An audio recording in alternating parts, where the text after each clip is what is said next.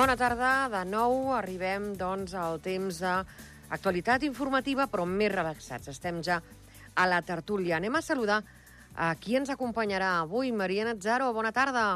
Hola, bona tarda. Com estem? Molt bé, i vosaltres? Bé, aquí de moment estem aixoplugats, no estem a, a l'exterior. Eh, avui no hi ha escudella, Maria? Jo, que estic durant el dia en camp, aquí no. Però Val. a El dia Andorra sí 22. que crec que s'ha fet. El dia 22 us toca... Us toca en camp. Sí, senyora, sí. I l'Adrià Espineta. Adrià, bona tarda. Molt bona tarda. Com anem? Doncs bé, bé, bé. Aquí començant les tertúlies de l'any. Molt bé. Gaudiràs d'escudella o no toca avui? Doncs avui no ha tocat perquè ja he dinat i perquè la feina mani al final i, Vaja. i aquí, doncs...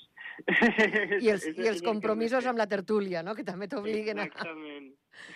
Eh, de l'actualitat informativa, no sé per on us agradaria que, que comencéssim. Hi ha diversos eh, punts eh, calents i amb vosaltres dos fa doncs, un bon grapat de dies que, no, que almenys jo eh, no, no, no puc parlar. Maria, per on t'agradaria arrencar avui? Va. Davant Ui. de tot el que tenim, De tot el- um, comencem potser per el, el que està més en boca de tots, que és l'habitatge I i, tant. i l'informe del raona del ciutadà, finalment. Sí, perquè si no, si ho deixem pels últims minuts de la tertúlia, ens passa el de sempre que ens quedem sense poder, sense poder aixecar el cap. Eh, en aquest sentit, eh, tema eh, doncs, habitatge, el cap de govern ha fet unes declaracions eh, doncs fa, no sé si dir-te uns minuts, però una hora i escac sí, eh, avui ha, ha comentat eh, doncs, que l'actuació feta fins ara al voltant d'aquesta qüestió eh, doncs que la defensa, que la, la, la aprova.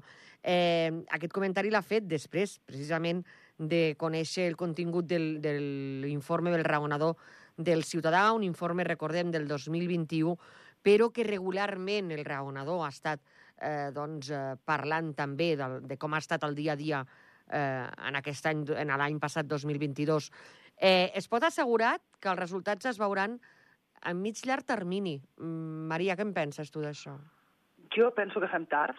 Eh, crec que, que el tema de l'habitatge fa molts anys que està damunt la taula i que, no, que sí que hem anat fent mesures per pal·liar una miqueta el cop, no? però que són insuficients i que a data d'avui eh, crec que, que ens ha faltat molta previsió de, de, de poder de, resol, resoldre això de l'habitatge molt més ràpidament.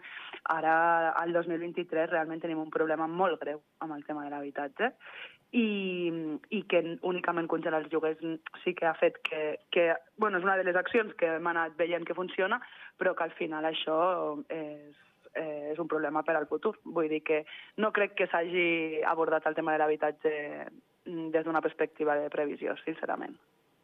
Eh, Adrià, no sé què vols, eh, si vols afegir alguna cosa... Bé, jo, jo el que sí que he de dir, perquè també s'ha dit en moltes ocasions, és que el problema de l'habitatge no, és una, no és de fàcil solució i, per tant, les fórmules I, màgiques... I no és d'ara, eh? Eh, de, eh, de no, molts clar, anys no és- enrere. No és d'ara i sempre hi ha hagut, és, és a dir, sempre amb un, amb un territori amb, el, amb els límits que té Andorra, que són 468 quilòmetres quadrats, però dels quals hi ha menys del 5% construït, és molt eh, fàcil doncs, que els preus pugin. Per què? Perquè a més eh, demanda, doncs menys oferta. Això és una de les normes eh, de l'economia que, és, que, és, que és important retenir. Per tant, clar, eh, si es posen límits, eh, si es promouen polítiques que el que busquen doncs és eh, aturar una mica doncs, aquest, eh, aquest creixement tan exponencial dels preus, doncs, òbviament aquestes mesures sí que s'han pres, però el que no podem fer és esperar que eh, hi hagi resultats de- d'avui per demà. Per què? Perquè, és a dir, ara es promourà eh, la construcció d'habitatges a preu assequible, això s'ha buscat i s'ha fet, eh, hi ha hagut comuns que han donat terrenys per poder construir, això és el govern també ho està tirant endavant, i això són mesures que és cert que a mitjà termini, un cop estiguin construïts i un cop hi hagi gent amb problemes per accedir a l'habitatge que puguin accedir a aquests habitatges, doncs això facilitarà en certa manera la, la, la seva problemàtica en, en cada cas. Però a mi de l'informe del raonador del ciutadà m'ha preocupat eh, especialment el, el tema de, de com intenten alguns propietaris, òbviament no tots, Uh -huh. eh, saltar-se les mesures, és a dir, les pròrrogues, sí, com sí. intenten pressionar, com intenten, eh, doncs, eh, al marge de la llei, eh, fer fora doncs, els seus llogaters. Això és, eh, jo crec que sí que són eh, situacions que s'han de eh, erradicar d'arrel i no es pot eh, permetre que passin aquestes coses, perquè prouta problemàtica hi ha, prouta gent hi ha amb, amb aquesta problemàtica com per després haver de tenir doncs, aquesta espasa de Damocles a sobre i no saber ben bé com, com acabaràs l'any.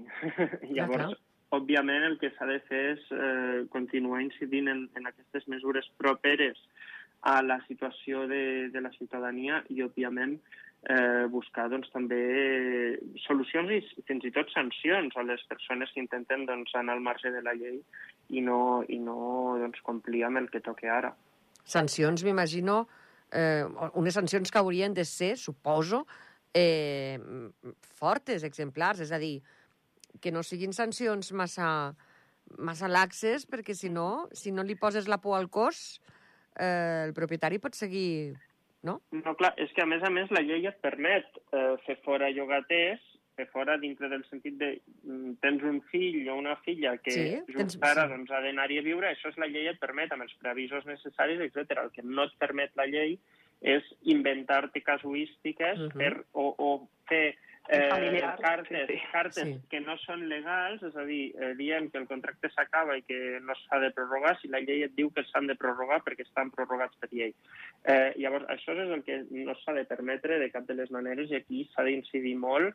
Eh, també, òbviament, no, és la, no són tots els propietaris, és una minoria, afortunadament, però eh, aquesta minoria no hi hauria de ser. És a dir, la gent hauria de ser cívica i hauria de ser eh, doncs, conseqüent també doncs, amb, amb les situacions que, que està vivint el país. i respecte a les lleis, no? finalment, que qualsevol norma eh, treta, diguéssim, estatal, doncs que s'ha de complir i, i no ho estan fent. No, no. Evidentment. Eh, el que sí que també comentava eh, el cap de govern, eh, i ara em dirigeixo més a la Maria, és que no s'haur- no s'havia eh, de posar traves al que és la inversió estrangera. Mm, com ho veieu, això? Jo, la veritat és que d'aquest tema en domino poc, al nivell de macroeconomia i micro. Estic especialitzada en, altre, en lo social, però en l'economia no. I, I no sé fins a quin punt Eh, Però, afectaria... però la parlant d'habitatge, eh, era Maria? Sí, o sigui, sí, sí, per això insinuació mateix. De, no sé eh, fins a quin punt la inversió en habitatge estranger, o sigui, estrangera, en aquest sentit, eh, ens repercuteix o no ens repercuteix. Eh? Mhm. el, que, mm, el que sí que crec que, que al final el raonador del ciutadà va intentar és bueno, obrir altres portes a, a poder solventar Clar. no? aquest, aquest, aquest, aquesta problemàtica, com s'estan fent en altres països, i en el que, bueno, en, ens agradi més o no, sí que l'Estat doncs, eh, ha de ficar mà en alguns aspectes, no? i potser doncs, Andorra, en la data en què estem avui, sense tenir en compte de que, òbviament, a, en 2022 s'han portat a terme diferents projectes, que sí que és veritat que ens donaran un resultat a, la, a, a curt, i a, a mig i a llarg termini, però, bueno, tenim una problemàtica que en un curt termini, que poden ser dos anys, tres anys, la seguim tenint present. Per tant, també hem de pensar en alguna alternativa per poder eh, donar una resposta potser més a curt termini, ja que estem invertint ja les de a llarg termini. Mhm. Adrià, vols Clar, afegir? jo, jo no limita, jo directament no sóc partidari de, de prohibir eh, o de limitar la, la inversió estrangera en, ni en l'habitatge ni en d'altres sectors. Simplement el que s'ha de tenir en compte i s'ha de ser conseqüent també amb això, que les construccions noves, els costos de construcció, doncs no són eh, baixos, precisament. És a dir, els terrenys s'han incrementat eh, eh, en gran mesura, també doncs, per això, és perquè les autoritzacions de construcció són en zones eh, que sí que s'hi pot autoritzar, però que estem parlant de menys del, del 5% del territori nacional total. Per tant, al final estem parlant d'un- d'una d'una àrea o d'àrees molt reduïdes. I això és una, no, no és una problemàtica única d'Andorra. Qualsevol eh, país amb territori limitat eh, doncs, té aquesta problemàtica. És a dir, mm, jo he viscut a Malta un any i Malta és una illa, és molt plana, gairebé no té muntanya, Ja. i gairebé tot Malta s'ha construït i ara estan construint cap amunt. I per què construeixen cap amunt? Perquè hi ha voluntat de comprar, hi ha voluntat de construir, però alhora no hi ha més espai, per tant s'ha de construir cap amunt. I això és en certa forma Andorra també ens ha passat amb les torres. I, i és probable que acabi passant més endavant, a menys que es vulgui, que es vulgui limitar de forma, de forma artificial. Al final, un, un límit d'aquest estil és, és un límit artificial.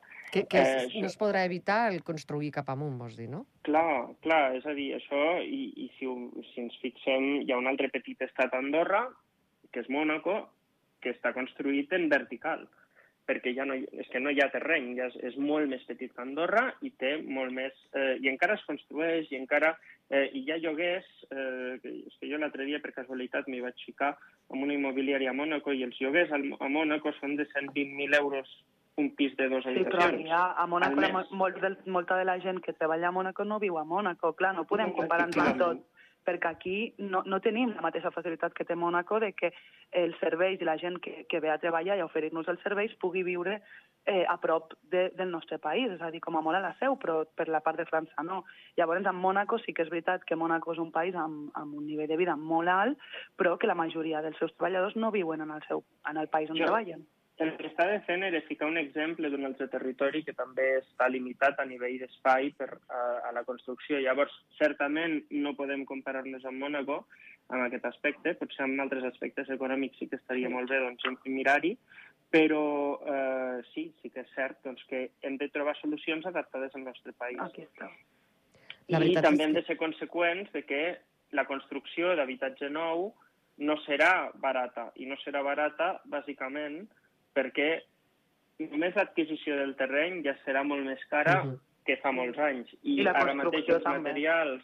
Uh, si, si ens basem en, en la guerra d'Ucraïna, si ens basem en els preus post-Covid, són preus molt elevats amb moltes matèries que abans eren més barates per la construcció i, per tant, l'únic que es pot construir que sigui assequible per als constructors ve a ser el tipus d'habitatge que, que és el que s'ofereix als estrangers que inverteixen al país. Per tant, al final, eh, si, si limitem la inversió estrangera amb immobles de luxe, el que estem promovent també és que es quedin molts pisos buits sense vendre i que tampoc es llogaran perquè tampoc seran rentables. Una, un dels aspectes a, a, a impulsar, a treballar a, a provocar que es mogui més seria la rehabilitació, no? Clar. De, de del, que, del parc immobiliari que hi ha buit. Sí. Però per això hauríem de saber quants pisos hi ha buits, a qui pertanyen... Caldria un registre. Clar, mm, bueno, els pisos, els pisos buits també hem de tenir en compte que molts d'ells són eh, o bé segones residències de gent doncs, que ve per temporada o venen per caps de setmana, o bé són pisos que eh, doncs, eh, van ser inversions de, de persones que no les van, no les van regularitzar amb, amb els fiscos de, dels seus països mm -hmm. d'origen i que ara doncs, una regularització i una obertura i unes rendes que tinguessin doncs, lloguers eh, d'aquests apartaments el que implicaria doncs, seria eh, una alarma als seus estats d'origen que implicaria una sanció i per això i jo crec que això és la casuística de molta gent i per això tenim tants pisos buits. Clar, però aquí jo almenys crec que Andorra ha de legislar per al benefici d'Andorra. És a dir, a mi finalment que aquesta persona invertís en el seu moment i que ara tingui por de que la fiscalitat del seu país el persegueixi per no haver fet bé la seva fiscalitat, eh, sincerament, uh, crec que ens hem de preocupar de la problemàtica del nostre país, no a sobre tenir en compte si els ocasionarem un problema o no a la inversió que es va fer en aquell moment. Doncs, sí, per... mm... I com, es podria, Maria... com es podria solventar això? Es posen una taxa de pisos buits. Jo estaria d'acord uh -huh. amb aquesta taxa. Llavors, eh, tu ets el propietari, està redundant en benefici del país, perquè al final paguen en aquest país eh, i és veritat que paguen per, per tenir-lo tancat però el paguen sí, sí. per tenir-lo tancat i per evitar una sanció que en principi doncs, hauria de ser molt major del, de la taxa que pagarien aquí. Això es redondaria en benefici de les arques de l'Estat. Però igualment no resoldria la problemàtica. No, no, no, però sí que es podria invertir aquests diners de les taxes en, en facilitar o en fer mesures pròpies per al propi habitatge del país. Vull dir que, que al final, d'alguna forma o una altra, eh, hem d'intentar regular el mercat immobiliari, òbviament, no depèn només de nosaltres, això, i, i depèn de, de la macroeconomia en molts sentits, però sí que és veritat que, que doncs és una problemàtica que crec que, que ens hem donat compte de que no podem deixar passar més i que hem anat parlant de des de fa molts anys, però que hem anat fent i, i que crec que, que en aquest últim darrer any s'ha vist que realment la pilota se'ns ha fet molt, molt gran. Enorme, enorme. I a més, jo, per exemple, sóc bastant més gran que vosaltres, Eh, jo quan era adolescent, aquí a Andorra no hi havia cultura de compra. O sigui, aquí només comprava la persona que tenia molts diners. La ciutadania, la classe mitjana normal, com a molt, a lo millor compraven un apartament eh, doncs, a, a la costa o al seu poble, també perquè econòmicament era accessible. Però aquí la, la, la, la compra, per exemple, ha estat sempre molt lluny de l'abast de, la, de la població, de la massa general de la, del, del treballador, del ciutadà. I el problema del lloguer, des de això, des de fa doncs, 30 anys que, que, que, que, que jo escolto parlar que ui, el lloguer que puja, ui, que en aquestes parròquies és impossible de, de trobar un pis de, de lloguer amb un espai decent, amb una habitacions suficients per una família. Vull dir que el, el que el, a mi em fa mandra de parlar del tema de l'habitatge és que és donar voltes i voltes i voltes i voltes a lo mateix i no s'avança. Bueno, potser, potser hem jo de crec que canviar una mica ele- l'enfoc. Sí. I jo crec que I aquestes canviar. eleccions que venen ara haurien de ser doncs, eh, les que plantegessin els problemes, eh, eh, doncs, eh, el problema de l'habitatge realment amb solucions, eh, però ja, no sé. El tema del registre públic, que aquí no tinguem un registre públic de la propietat. A vosaltres Clar, no... el, Adrià, tu no et crida l'atenció? eh, aquí tenim el cadastre, que ja fa certes funcions eh, Bueno. registrals, i després el, els pisos buits es calculen sobretot en base al, al, als comptes de CEDA, no? És a dir, el gasto de Clar, llum i tancats. gasto d'aigua. Llavors, Però- eh, realment, és a dir, el registre de la propietat, eh, habitualment, el, el servei que fa és eh, més aviat fiscal. El que es busca amb el registre de la I? propietat és tenir... Bé, doncs, que és, és la introducció d'altres tipus impositius al país eh, a la llarga. I això Jo crec que sí que hauríem de tenir un S'ha registre. de valorar molt. Jo crec que sí. Vull dir, perquè per fer projectes, per saber com està, eh, bueno, el registre ens dona una sèrie de dades que, que crec que és important tenir com a país per poder tirar endavant. De totes maneres, jo crec que, que i tornant una mica a lo de Mónaco, no? és a dir, a mi em sembla molt bé que les inversions estrangeres eh, s'estiguin arribant al país, s'estiguin fent moltíssimes i sobretot de cara al luxe, però si volem aquest model de país que, que, que és debatible i podem eh, decidir que sí que volem aquest model de país, Mhm. doncs llavors hem de canviar l'enfoc. Hem de canviar l'enfoc en tenir una qualitat de vida com Déu mana i uns salaris que permetin viure en Clar. aquest país que estem creant. És a dir, al final, si volem tirar cap aquí com a, com a Andorra, perfecte. Però això llavors potser hem de començar doncs, a canviar i a invertir en, en, en els salaris, en la qualitat de vida, perquè la gent pugui viure d'una forma sostenible en el nostre país, perquè a dia d'avui no és sostenible viure a Andorra. Clar, hem de o sigui, pensar el que hem comentat a, doncs, a, a l'inici, quan, quan l'Adrià has comentat el tema de Mònaco. De veritat que res més lluny m'encantaria que aquí poguéssim ser com, com, com a Mònaco, però el problema que tenen és aquest, que la, la gent que hi treballa no hi viu allà. Ca- I si volem que visqui, Per- per- salari. Per tema econòmic i, i perquè no hi ha lloc, o sigui... El, que- el que no he dit jo és que haguem de ser No, ja. Mónaco als Pirineus. Hem parlat sí de la, de la construcció, tens raó. És que era un exemple eh, de país que s'ha massificat a nivell de construcció eh, i de que els preus han pujat per la nula existència de terreny. En el Mm. cas d'Andorra encara no és nula, però sí que és cert, i, i enllaço amb el que comentaves, de, de que fa molts anys només es podien permetre pisos la gent que tenia molts diners, però Mm. perquè el problema del terreny ja hi era. És a dir, el Sí, sí, problema sí, és que els terrenys sí. d'Andorra sempre han costat molts diners. Jo recordo de joveneta de que Andorra sempre- sortia a les llistes dels metres quadrats, de qui, on és el metre quadrat més car d'Europa? I, I alguna vegada jo recordo de molt joveneta escoltar Clar. que Andorra tenia els, el metre quadrat més car d'Europa. Ja mm, fa molts anys. No sé, em sembla que és, que és, una, és un tema, el de l'habitatge, que, el, que l'arrossegarem i l'arrossegarem i ja... No em s'ha pogut trobar la clau mai. No, no, No, és, és, no. estic totalment sé. d'acord en que l'arrossegarem, però és, ja per... per eh, Ara ja per inèrcia exterior, és a dir, Exacte, no, perquè el problema per- ja ens ve de fora, vull dir... I No, per la nostra geografia. no estem sols, és que, tampoc, en això. Si, si tinguéssim planes i planes de, de, de terreny, llavors es podrien fer doncs, moltíssimes eh, constructo- construccions asse, assequibles, com ha passat als Estats Units, que tenen grandíssimes extensions de terreny i Clar. això ens permet doncs, que mm, també generen barris doncs, amb, diferents, Sí, sí. no? Uh -huh. Però, però sí que és cert doncs, que hi ha més capacitat de reacció per part de l'Estat amb això.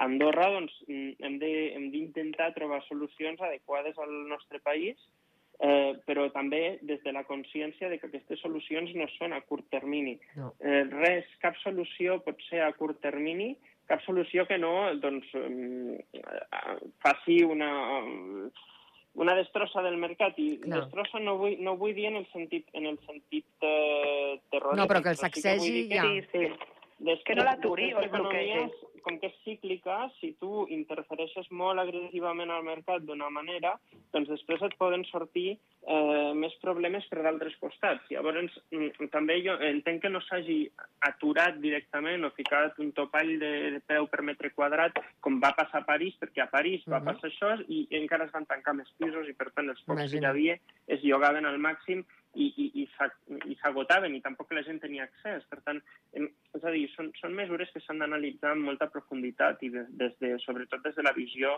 eh, del nostre país i de la, totes les casuístiques que, que hi ha en aquest país. Uh -huh. Maria, vols afegir alguna cosa No, més? no, no. no és que ens hem, ens hem menjat tot el temps amb, amb el tema de l'habitatge. A més, Sílvia, l'Adrià i a mi, com que no ens agrada parlar, doncs, No, amb això... home, i, i, i agraïda que estic que us, agradi, que us agradi parlar. Només faltaria que no us agradés parlar i jo us convidés a la, a la tertúlia. A veure, el proper dia, que no trigaré gaire en tornar-vos a reclamar, parlem d'eleccions i aquests temes així, ja, Vinga, no? perfecte. Que d'habitatge sempre parlem. I d'habitatge ja hem vist que la cosa està... Eh, anirem seguint l'actualitat, això sí, naturalment que sí. Però, però això, parlar una mica de, de, de, de política, una pinzelladeta, i mm, us demano un minut a cada un. Avui la, la cònsol major de la capital d'Andorra la Vella, Conxita Marsol, doncs ha tornat a parlar de les eleccions i tal, i que no descarta de tornar-se a presentar. Què us semblaria? Maria? Doncs mm, m'ho esperaria, realment no em sorprendria que No es tornés a presentar, no gens. I, i de fet, eh, bueno, no, no dubto que es torni a presentar, vull dir que, que s'ho pot pensar, però que jo estic pràcticament segura que ho farà. I tu, Adrià, què en penses? Jo, jo el que he de dir és que la Conxita és un dels grans actius polítics que tenim al nostre país i que és benvinguda serà eh, si es torna a presentar. Això Molt. és... Eh, Acabes clar, les fer un- comunals no pot ser... I acabes de fer un poema, eh? A Benvinguda serà si es torna a presentar. A les comunals no pot ser perquè hi ha doncs, el límit de, de dos Mhm. mandats, però si es torna a presentar en unes No, altres eleccions, generals. jo crec que és, eh, és un gran actiu que tenim al partit i al país. Doncs eh, et proposo que li enviïs aquest rodolí que has fet tan xulo a la, a la cònsol major de la capital que igual ho, ho aprofite en el cas de que es presentés a, a campanya. Eh, res més, Adrià Espineta, una abraçada molt gran. Feia molt de temps que no parlava amb vosaltres. Bona tarda. Bona Bona tarda, gràcies. Maria Nazzaro, també una abraçada molt gran i espero Ah, ben aviat us reclamaré als dos. I tant, Eh, i tant, eh, no ho dubtis, Sílvia. Aneu, aneu, aneu sondejant i aneu, i aneu fent una miqueta d'investigadors, d'inspectors, eh, i així, aviam si ens expliqueu alguna coseta. Una abraçada Genial. molt gran a tots dos. Adéu-siau, bona tarda. Adéu, bona tarda. Bona tarda. A vostès també els desitgem doncs, que acabin de passar bona tarda. Falta un minut i mig per dos quarts de tres, que és el moment en què arriba l'actualitat esportiva aquí a Ràdio Nacional al Zona Esports. Nosaltres marxem. M'ha acompanyat a les vies de so doncs, el Ricard Porcuna, la producció de l'Àlex Moldes. Qui us parla? Sílvia Mestre. Adéu-siau, bona tarda.